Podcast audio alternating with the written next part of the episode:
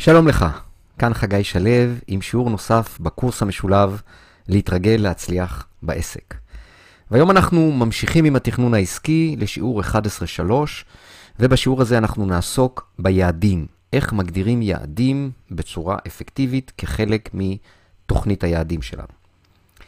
אז ראינו את uh, ארבעת המרכיבים, ראינו את החזון, את היעדים, את האסטרטגיה, את אבני הדרך, ובשיעור הקודם עסקנו בחזון וראינו איך מגדירים חזון. אם אתה רואה את השיעור הזה, אז קרוב לוודאי שהשלמת את החזון שלך, או אתה לקראת השלמת החזון שלך, והשלב הבא לאחר השלמת החזון הוא היעדים, ואני מבקש לא להתחיל ביעדים לפני שנתתי לך אישור מפורש לזה, כי מאוד חשוב קודם לסיים את החזון, אה, לפני שמתחילים עם היעדים. אתה יכול כן ללמוד על היעדים עוד לפני שסיימת לגמרי את החזון. אני בדרך כלל אתן לך את ההנחיה מתי אתה יכול לראות את השיעור הזה. ובוא נראה מהם העקרונות להצבת יעדים. אה, חלק מהדברים כבר דיברנו בכלליות בשיעור 11.1 ואנחנו נחזור עליהם פה. אז יעד זה המה הספציפי, זה ההכרזה. ראינו שבתוכנית היעדים אנחנו קודם כל עוסקים במה, מה אני רוצה להשיג, ורק לאחר מכן באיך. החזון היה המה הגדול, בגדול, תמונת עתיד אידיאלית, לא מוגבלת בזמן, נצחית. יעד הוא כבר המה הספציפי, הוא מאוד מאוד קונקרטי. אה, הוא אומר דברים מאוד מאוד מוגדרים שקשורים בזמן ושוב, אה, אה, ספציפי, מאוד מאוד ספציפי. מדוע בכלל להציב יעדים? כי יש פי שלושה סיכוי להשיג יעד, בעיקר אם היעד הזה כתוב. כי יעד יוצר לנו מיקוד, כי יעד יוצר מחויבות וגם אפקטיביות, כי אנחנו יודעים לאן אנחנו הולכים ומה לעשות. בלי יעד אנחנו כמו ספינה ללא קברניט, שהרוח והגלים לוקחים אותה לאן שהם לוקחים, ועדיף לנו שנדע שאנחנו רוצים להגיע למקום מסוים ולכוון את הספינה שלנו לאותו מקום. יעדים אנחנו כותבים מנקודה שבה הכל אפשרי, כן? זה נעשה לפני האיך. אז אני בכלל בשלב הזה לא עסוק באיך. והאם אני אצליח, אני, אני לא עוסק בשאלות האלו, אלא אני מתחבר למה שחשוב לי להשיג ולהגשים, ואני מגדיר אותו. היעד הוא קונקרטי, וזה שהוא קונקרטי זה חיוני שהוא יהיה לפעולה, ש, אה, סליחה, זה חיוני לפעולה שלנו. מה שלא נמדד לא מנוהל, ולכן אנחנו רוצים שהיעד הזה יהיה יעד מדיד, תכף נראה מה זה אומר. אה, ולבסוף, הסיבה למה אנחנו רוצים לתכנן, זה כי תכנון מאפשר לנו להקטין טעויות. כי לתקן משהו לוקח פי עשרה יותר מאשר לעשות נכון בפעם הראשונה, ואין רע בטעויות, זה קורה וזה חלק מהעניין. העניין הוא שאם אנחנו יכולים להקטין אותם על ידי תכנון, אז זה עדיף, זה יאפשר לנו לחסוך זמן, לחסוך משאבים ולהתקדם יותר מהר לכיוון היעדים שלנו. אז אנחנו רוצים לקבוע מטרות בחוכמה. באנגלית זה סמארט, והסמארט הזה זה ראשי תיבות. היעד צריך שהוא יהיה ספציפי. כלומר, אם, אם החזון הוא כללי, הוא רגשי, הוא תיאורי, הוא לא מאוד ספציפי, אז אנחנו רוצים שהיעדים כן יהיו ספציפיים ברמה מפורטת, ברמה שאנחנו נוכל לראות דברים קונקרטיים בדמיון שלנו.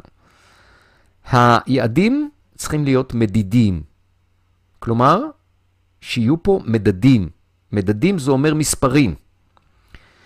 אמ, אנחנו רוצים שיהיו אבני דרך, אוקיי? Okay? אמ, כלומר, אנחנו רוצים שיהיו לנו יעדי משנה או מטרות משנה, שזה נעשה קצת כחלק מהיעדים ויותר בהמשך התכנון שלנו. החזון הוא, סליחה, היעדים הם לא משהו שאני רוצה להגדיר למחר בבוקר, כלומר, זה בסדר שיש לי יעדים או רשימת משימות שאני רוצה להגשים בטווח הקצר. היעדים בתוכנית הם יותר רחוקים, הם יותר אה, לטווח ארוך, ואנחנו רוצים שהם יהיו מאתגרים. הם, הם נכתבים ממקום של הכל אפשרי. טווח סביר ליעדים, אה, אנחנו נראה את זה עוד מעט, הוא שישה, בין שישה לתשעה חודשים, מאיפה שאתה נמצא היום. אה, ואנחנו רוצים גם תזמון. תזמון אומר שזה לא רק מה אנחנו רוצים, אלא גם מתי. מתי אני משיג, והתף הזה גם מתחבר לנו להתמדה. אני רוצה, לאחר שאני מגדיר את היעדים, לפעול בהתמדה כדי להשיג אותם. בואו נסתכל על מטאפורה פשוטה להצבת יעדים. כן? כולנו הלכנו לעשות קניות, קניות בסופר.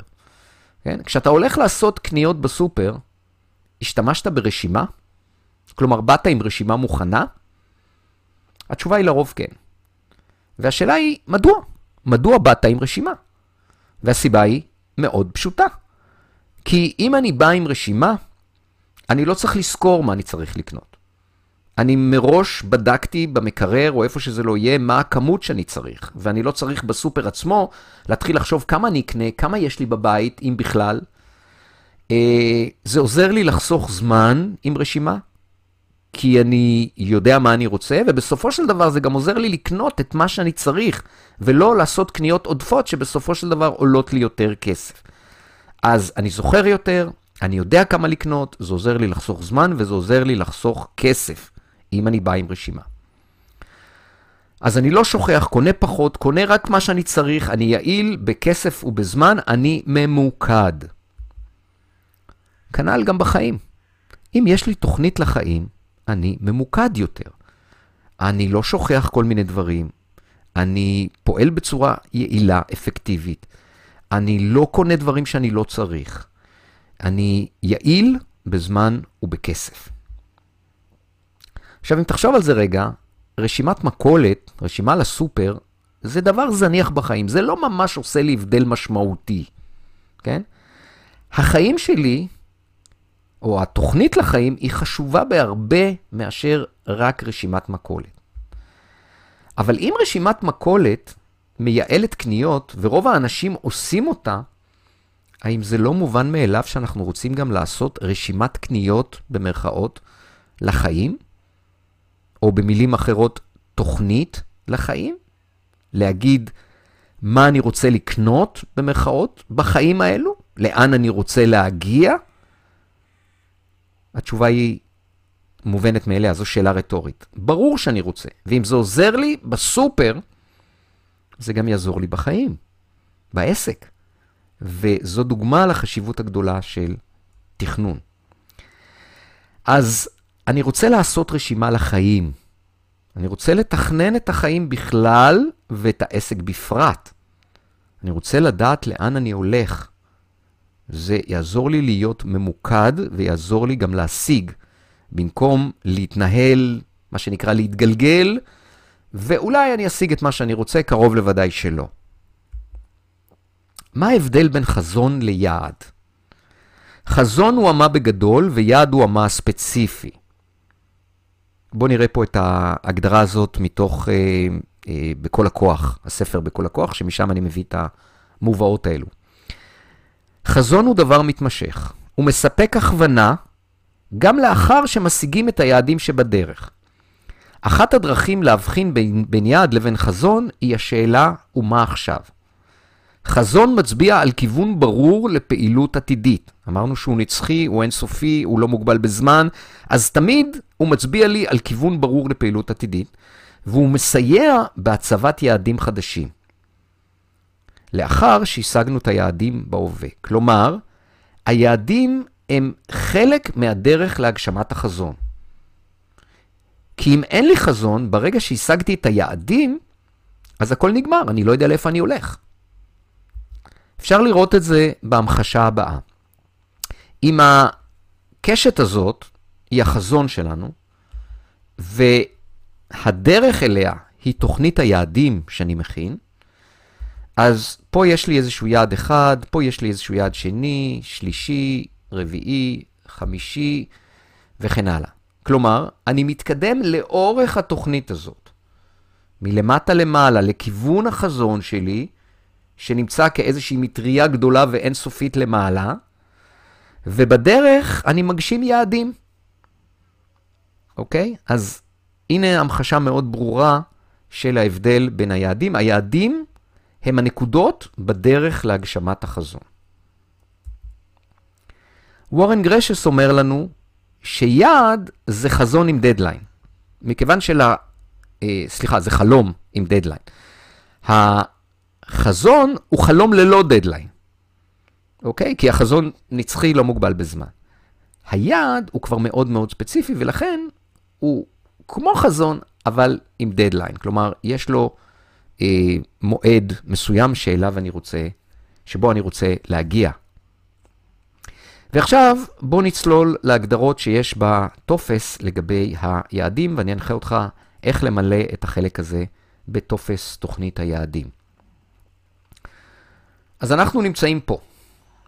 מה התוצאות היעדים, תוצאות יעדים, אותו דבר, המה הספציפי שאני רוצה להשיג עד תאריך היעד, כן? תאריך היעד זה זה, תאריך היעד, זה מה שאני כתבתי פה למעלה. כלומר, אני שם את עצמי בתאריך היעד, טווח של שישה עד תשעה חודשים, כמו שאמרתי, ואני שואל את עצמי, מה יש שם? מה אני רואה שם? אוקיי? אז מה המה הספציפי שאני אשיג את תאריך היעד ויהווה תמורה הולמת להשקעת הזמן, הכסף והאנרגיה שלי? ההנחיות פה תהיה ספציפי. כתוב תוצאה ברורה ומדידה. החזון הוא רגשי, הוא תיאורי, הוא כללי, אבל היעדים הם מאוד ספציפיים. הם עונים על השאלה מי, מה, מתי, כמה. גם היעדים נכתבים ממקום של הכל אפשרי, אין מגבלות, אין פחדים, והרעיון פה זה לא לכתוב את כל ההישגים שבדרך, אלא אך ורק תמונת מצב תמציתית בתאריך השגת היעד, כמותית ומדידה. זה כאילו שאתה עולה מהיום על מטוס, ואתה נוחת באותו תאריך אה, עתידי, תאריך היעד. ואז אתה יורד מהמטוס, ואתה מסתכל מה יש שם. אתה לא מתאר את כל הדרך, מה שקרה, איפה עברת וכן הלאה, אלא רק את תמונת המצב העתידית באותו תאריך. כאילו שאתה נמצא שם, אתה מתאר בלשון הווה מה השגת, או מה יש לך באותו רגע, אוקיי? ולכן, אם החזון הוא תיאורי, הוא רגשי, אה, הוא כתוב בצורה אה, של פסקאות, אה, מנוסח יפה וכן הלאה, היעדים הם בולט פוינט, אוקיי? ופה אין יותר מדי בלבלה. פה זה מאוד מאוד קונקרטי. פה זה כמויות, פה זה כסף, פה זה לקוחות, פה זה תוצאות ברורות.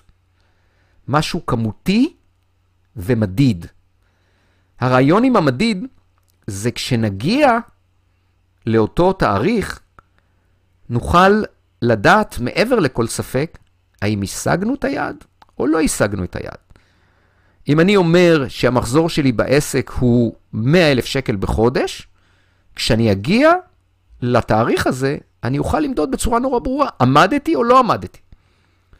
אוקיי? לכן החזון הוא לא כוונות, אני רוצה להצליח, אני רוצה שיהיה לי אה, וכולי. אני רוצה לזכות בהכרה, אני רוצה שיהיה לי מעמד, אני רוצה להיות חברה מובילה. כל הדברים האלו הם, הם נחמדים, הם לא ביעדים. אלא מה יהיה הביטוי הכספי, הכמותי, של כל אותם דברים שאתה רוצה להגיע אליהם. ככה צריכים להיות היעדים, מאוד קונקרטיים, כמותיים ומדידים. אז זה היעדים. ובואו נדבר על כמה דגשים כשאתה שם את היעדים שלך. מה יהווה תמורה הולמת להשקעת הזמן, הכסף והאנרגיה שלך? תהיה ספציפי, תוצאה ברורה ומדידה. קצר ולעניין, שכלי, לא רגשי. כלומר, זה מגיע מהמקום השכלי. מי, מה, מתי, כמה, מספרים, כסף. אה, אין מגבלות, אין פחדים. כלומר, אני רושם את הדברים האלו ממקום של הכל אפשרי. לא להיות ריאלי. ריאלי זה שם קוד לנמוך, זה לגיטימי ונכון לתכנן גבוה, לתכנן שאם אה, וכאשר אני אגיע לשם, אני אגיד, וואו, לא האמנתי שאני אגיע. כלומר, מהיום זה אפילו נראה בלתי אפשרי, זה טוב, זה סימן טוב ליעד טוב. רק תמונת מצב תמציתית בתאריך השגת היעד, לא לתאר מה קורה בדרך. להשתמש בדמיון, כלומר ברגע שיש לי את החזון וגם את היעדים, לפי פרק 6, להשתמש בדמיון.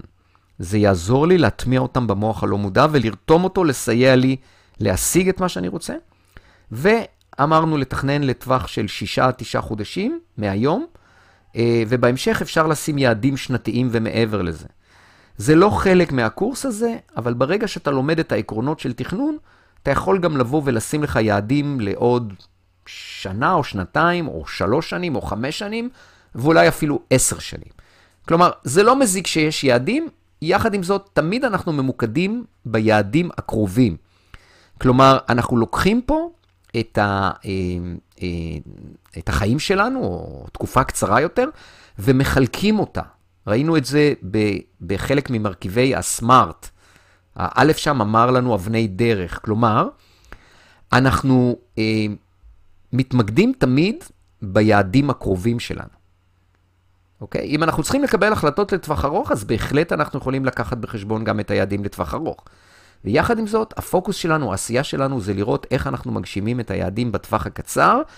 אה, זה נכון בכל צורה, כי אה, גם אם היעדים האלו, אה, או אני אגיד את זה אחרת, גם כשהיעדים האלו, או בעיקר כשהיעדים האלו הם קרובים, אני, אני יכול להיות מאוד קונקרטי ומאוד מכוון וממוקד. יעדים גדולים הם כנראה גם רחבים יותר, הם מתפשטים יותר, וזה יכול להיות מאוד מבלבל כשאני ממוקד ביעדים רחבים, בקשת רחבה של יעדים.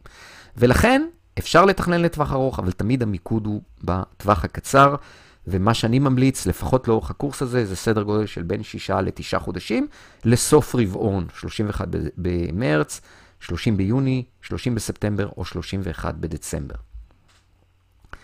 ולפעמים אם אתה מרגיש שאתה קטן מדי כדי לעשות הבדל, סימן שמזמן לא הלכת לישון בלילה כשיש יתוש בחדר. אומר לנו טל רונן, שהיה אחד מהמורים שלי בתחילת הדרך, אה, המורים החשובים. אה, כן, יתוש הוא קטן, אבל הוא עושה הבדל. ככה גם אתה. יכול להיות שאתה קטן בתוך העולם הזה, אבל אתה יכול לעשות הבדל מאוד מאוד משמעותי. להבדיל מיתוש שהוא יכול להציק, אה, אתה יכול לעשות דברים טובים, וזו המטרה שלך בחזון וביעדים. אז מה היה לנו בשיעור הזה?